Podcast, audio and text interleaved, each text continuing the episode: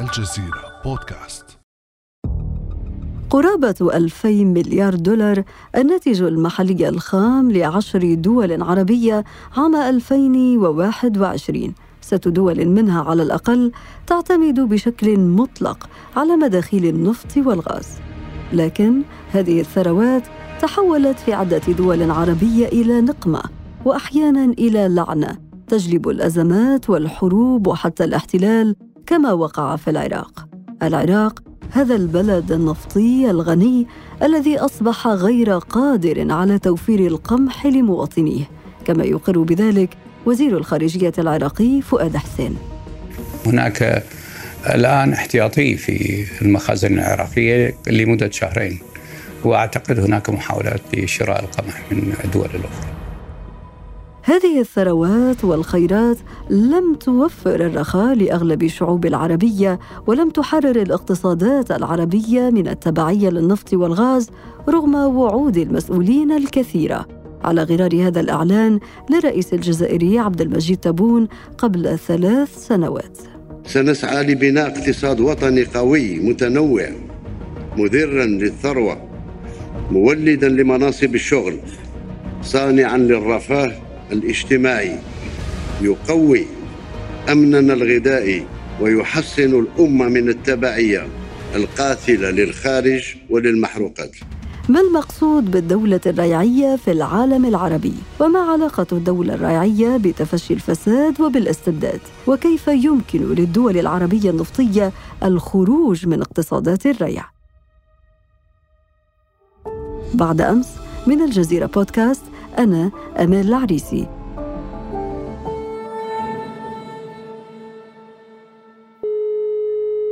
في هذه الحلقة أسعد باستضافة الدكتور محمد رضا سلطاني أستاذ العلوم السياسية بجامعة الجزائر.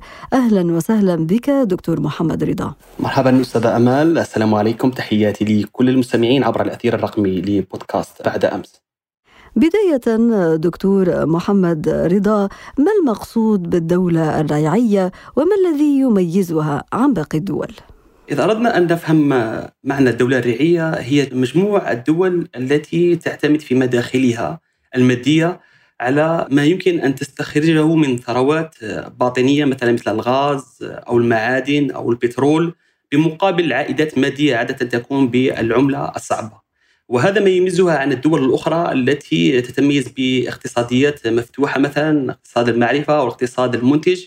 وهنا يمكن أن نميز الفرق ما بين الدولة الريعية التي تعتمد على عائدات الأرض من نفط وغاز ومواد أخرى وما بين الدولة التي تقوم على الاقتصاد الحر المنتج. الفرق ما بين الدولة الريعية والدول الأخرى هي تلك الدولة التي آه، تعتمد في عائدتها المادية على عائدة النفط والغاز وكل مقدرات آه، الأرض من ثروات. على العكس والنقيض من الدول الأخرى التي تعتمد على الاقتصاد المنتج المتنوع. إذا آه، في سياق تفصيل مفهوم الدولة الريعية يمكن أن نأخذ بعض النماذج مثلا آه، والتي تتمركز بالعادة في آه، منطقة الشرق الأوسط وشمال إفريقيا. مثلا لدينا الجزائر مثلا لدينا نيجيريا لدينا مثلا السعودية الإمارات قطر. كلها ذات صيغة دول ريعية لأنها تعتمد بالأساس على عائدات النفط والغاز. على النقيض من ذلك مثلا إذ أردنا أن نأخذ نماذج للاقتصاد المتنوع مثلا لدينا بعض الدول الآسيوية مثلا سنغافور مثلا أو مثلا آه، الولايات المتحدة الأمريكية مثلا أو ألمانيا آه، فرنسا. كلها هذه دول لا تعتمد بالأساس على الريع لأنها لا تتمتع بالثروة الريعية. فهي ترتكز أصلا على الاقتصاد المتنوع. بما أننا نتحدث عن آه، مفهوم الريع دكتور محمد رضا آه، لو تعطينا يعني خلفية تاريخية متى بدأ الحديث عن هذا المفهوم والحديث عنه مصطلحا من حيث المصطلح وكذلك من حيث الممارسة. طيب إذ أردنا أن نفصل في مسألة المصطلح نقول في اللغة العربية ريع راعى ويقال رعى تجارته أي أنماها وزاد فيها. أما آه، إذ أردنا أن نعرف المصطلح في أدبية الاقتصاد السياسي يقصد به عموم العلماء أنه آه، تلك آه، الغلة التي تسترجع من الأرض مقابل استغلال لما يمكن أن تخرجه. مثلا يعرفه العلامة ابن خلدون على أنه ذلك الكسب دون سعي أو عمل أو أنه تلك الثروة الجاهزة الغير متوالدة. أول من نظر لهذا المفهوم آه، لمفهوم الاقتصاد الريعي والدولة الريعية هو عالم الاقتصاد الإيراني حسين مهدوي سنة 1970 إلى جانب آه، صديقه جياكو مورتشاني والعالم الألماني هارتموت ايزنهاس حيث فسر هؤلاء العلماء على أن الدولة الريعية هي التي تستغل قدراتها الطبيعية في الحصول على آه، آه، عائدات مادية. بهذا المعنى دكتور محمد رضا مفهوم الريع ليس مرتبطا بالضرورة بالنفط والغاز. آه، مفهوم الريع يتجاوز مسألة النفط والغاز. فتطور وتنوع أنماط الريع سير عملية تطور المفهوم عبر الزمن. على سبيل المثال أستاذتي يمكن أن نقول إلى جانب الريع الطبيعي وهو مختلف ما يمكن أن تقدمه المصادر الطبيعية يوجد الريع الاستراتيجي مثلا. آه، مثلا الأماكن الحيوية الممرات خطوط النقل الاستراتيجي الموانئ. على سبيل المثال هنا إذا أردنا أن نأخذ أمثلة لدينا جنوب إفريقيا مضيق جبل طارق جزيرة سقطرى جيبوتي. كل هذه تشكل ممراتها الاستراتيجية وموانئها آه، آه، ريعا استراتيجيا يمكن أن يقدم عائدا ماديا لدولها. في جانب آخر مثلا لدينا ريع التحويلات المالية والمساعدات والمنح من الخارج. مثلا لدينا بعض الدول التي تعتمد على المنح والمساعدات. في هذا السياق يمكن أن نذكر آه، الدول الهشة في إفريقيا آه، إسرائيل مصر. كلها دول آه، تحصل على ريع المساعدات والمنح. في معنى آخر أيضا التحويلات المالية للمهاجرين يمكن أن تكون ريعا للدول الأصلية. طيب دكتور بما أنك ذكرت العديد من الأنشطة التي تمثل الاقتصاد الريعي ذكرت الممرات المائية المواني القواعد العسكرية وغيرها فما مدى ارتباط الدولة الريعية بالأنظمة السياسية المغلقة؟ أه، القاعدة بالنسبة للدول ذات التوصيف المغلق أو السلطوي تقول أن العائدات المادية تقدم أريحية سلوكية أكثر للأنظمة السياسية. ومن هنا آه، ظهر ما يعرف بالدولة الريعية أو السلوك الزبائن السلطوي. ما معنى ذلك؟ بمعنى أن آه، رعاية الدولة تنتعش وتتراجع مقابل مطالب الإصلاح السياسي آه، حيث تتضرر فيها معدلات الديمقراطية مقابل المنح الاجتماعية التي تقدمها للمواطنين. في هذه الأنظمة يرى حكام الدول أنفسهم دائما معارضين بشكل خاص أو معرضين عفوا بشكل خاص للتهديدات الداخلية مثلا الانقلابات الهجمات المتمردين المعارضة الانفصالية. لهذا يعد إعاقة تطور القوى السياسية والاجتماعية وكسر المصالح الجماعية أمرا أساسيا لضمان هذه الأنظمة عبر أدوات التوزيع الريعي. بمعنى دكتور محمد رضا أن هذه الأنظمة التي تعتمد اقتصادات ريعية غير مجبرة على منح الحريات السياسية والاقتصادية والاجتماعية لمواطنيها من منطلق أنها هي التي ترعى مصالحهم وتوفر لهم كل وسائل الحياة والترفيه. بطبيعة الحال ما البشرية تسعى نحو الرفاه والإطمئنان المادي إن صح التعبير لا سيما في الدول النامية. وبالتالي الدول الريعيه كونها تتمتع بعائدات مادية يمكن أن تشرف على عملية الرعاية وتحيد مطالب الإصلاح أو يمكن أن تشتري أصوات المعارضة. لهذا الدول الريعيه تتمتع بهامش واسع في إدارة اللعبة السياسية. ولكن في المقابل دكتور محمد رضا هذا يؤثر على منظومة الإنتاج بما أن الدولة هي التي بقبضتها كل وسائل رعاية المواطنين وهذه المجتمعات وتوفير كل متطلباتهم الاقتصادية والاجتماعية وغيرها. وبالتالي فإن توفير المداخيل المالية الضخمة نتيجة الاقتصادات الرعية لم يحل الأزمات والمشاكل بل أنتج المزيد منها وفق الكثير من المختصين في الشأن الاقتصادي. لو تطلعنا دكتور محمد رضا عن الأزمات والمشاكل التي تواجهها هذه الدول خاصة منها العربية التي تعتمد على اقتصادات الريعة نعم آه، معظم الدول العربية التي تتمتع بأريحية مادية آه، نجحت في تحقيق آه، هامش من النمو الاقتصادي خلال السنوات الأخيرة وهذا لا يمكن إنكاره. لكن ما طغى على المشهد العام هو ظهور حالة من حالة من التمايز والإقصاء الاجتماعي آه، بسبب هشاشة الوظائف المستحدثة ويمكن نسميها في مجملها الوظائف العمومية التي آه، الهدف منها هو امتصاص البطالة فقط آه، مناصب غير منتجة وتمركزها في قطاعات ذات إنتاجية منخفضة. إلى جانب هذا ظهور اختلالات اقتصادية وهو ما أشرت إليه بسبب حالة الارتهان لرحمة السوق والأوضاع الجيوسياسية عموما. فمثلا دولة مارعية دائما لديها حالة من التوجس من انخفاض وارتفاع أسعار النفط.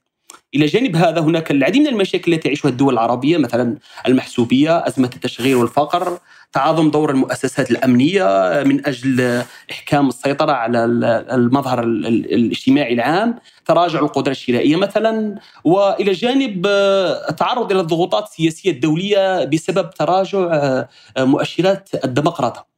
إلى جانب ارتفاع نفقات البقاء ما أسميه أنا نفقات البقاء الاستراتيجي للأنظمة السياسية.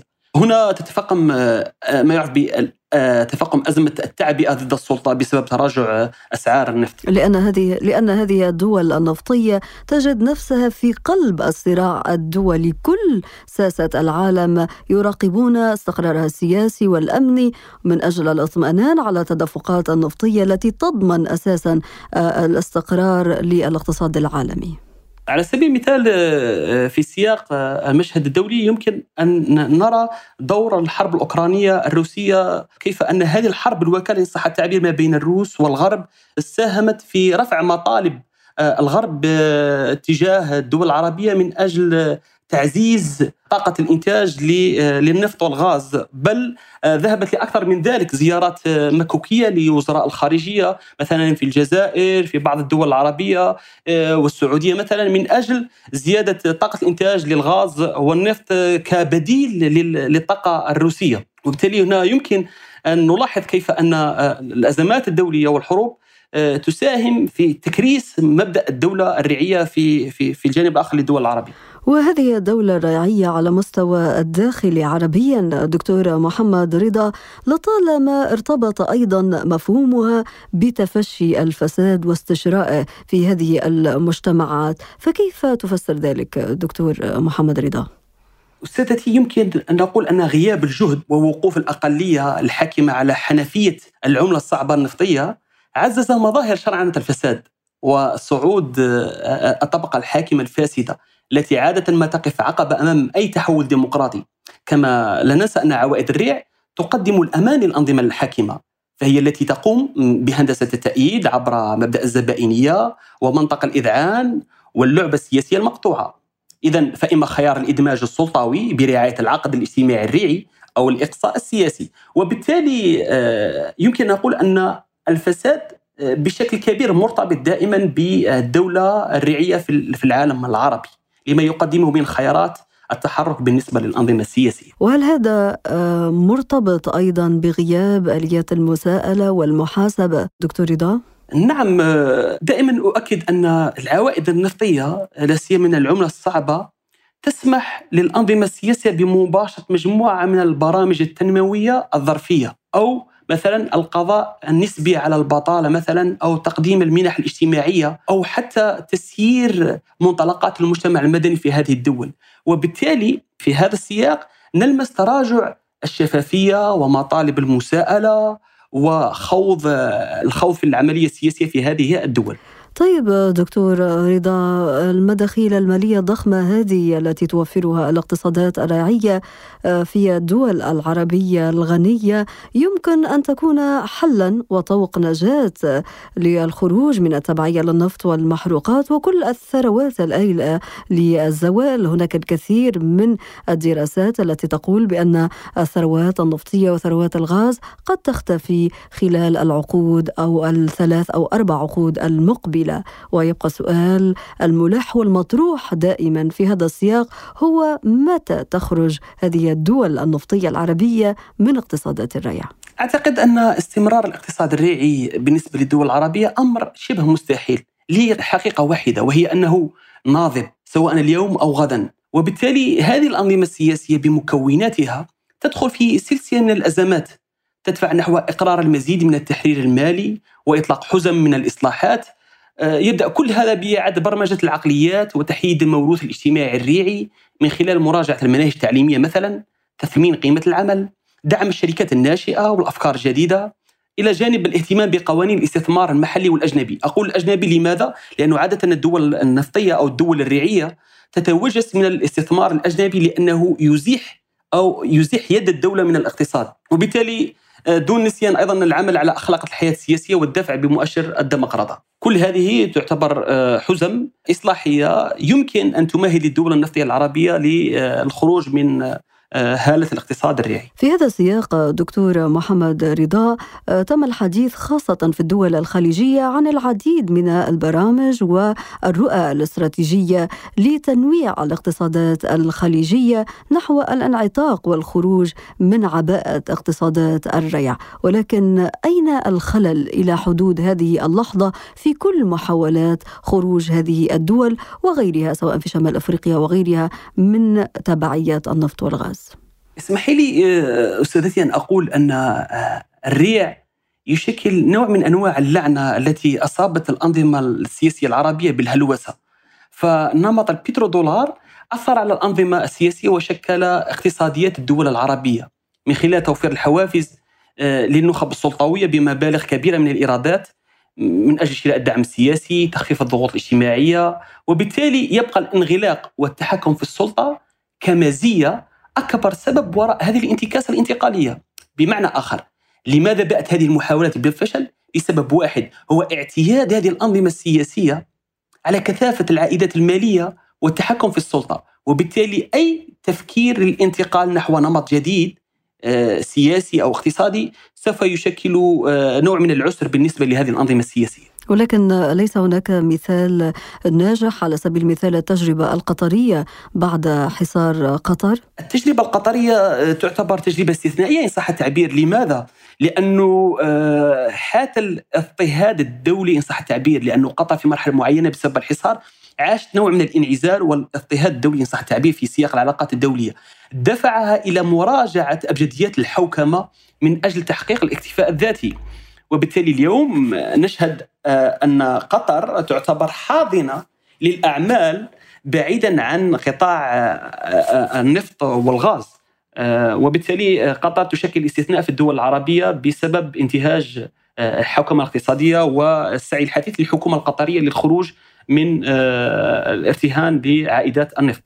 بما أنك تحدثت عن العراقيل التي آه، تعيق عملية الانتقال من الاقتصاد الريعي إلى الاقتصادات المتنوعة والمفتوحة آه، هل برأيك تحتاج الدول الخليجية على سبيل المثال إلى نوع من التكامل الاقتصادي للمرور والنجاح في هذه المرحلة الانتقالية أعتقد أنه آه، اليوم نعيش حالة ضرورة للتكتلات الاقتصادية والسياسية وبالتالي مراجعة هيكلية الاتحاد الخليجي ضروري في هذا التوقيت في سياق الاعتماد المتبادل بشكل آخر أعتقد أن قطر تحتاج الجميع والجميع يحتاج قطر في في إطار ما تفرضه التحديات الدولية اليوم بشكل عام. وكذلك على مستوى اتحاد المغرب العربي أليس كذلك؟ أه، اتحاد المغرب العربي هو حالة خاصة فاذا أردنا الإقرار بقوة الاتحاد المغاربي يمكن أن نقول أنه أكبر اتحاد يمكن أن يشكل قوة مواجهة للاتحاد الأوروبي. لماذا؟ المقدرات الفلاحية، المقدرات الطاقوية وشساعة المغرب الاتحاد المغاربي. وبالتالي اليوم الحكومات مطلوبة أن تراجع مواقفها السياسية من بعضها البعض من أجل الاتحاد ومواجهة ما يعيشه العالم اليوم من تغيرات. في ظل القطيعة أه التي نشهدها اليوم بين المغرب والجزائر وغيرها من الإشكاليات في القارة الأفريقية، هل تعتقد دكتور محمد رضا أن الديمقراطية شرط أساسي يجب أن يسبق أي إصلاح اقتصادي للخروج من اقتصادات الريع؟ الديمقراطية بطبيعة الحال آه، بتخصيصها المفاهيمي تشكل يشكل شرط أساسي للخروج من بوتقة الاقتصاد الريعي. لماذا؟ لسبب واحد. عندما نقول الاقتصاد الريعي نقول الممارسة السلطوية. عندما نقول الديمقراطية نقول الاقتصاد المفتوح. وهنا يمكن أن أختتم هذه الإجابة بمقولة العلامة ابن خلدون إذ يقول إن الملك بالجند والجند بالمال والمال بالخراج والخراج بالعمارة والعمارة بالعدل. وبالتالي اليوم تأتي مناعة الدولة من قدرتها على حماية كيانها ومصالحها وحماية كيانها ومصالحها تتأتى من قواها الذاتية وقواها الذاتية تتأتى من القاعدة الديمقراطية.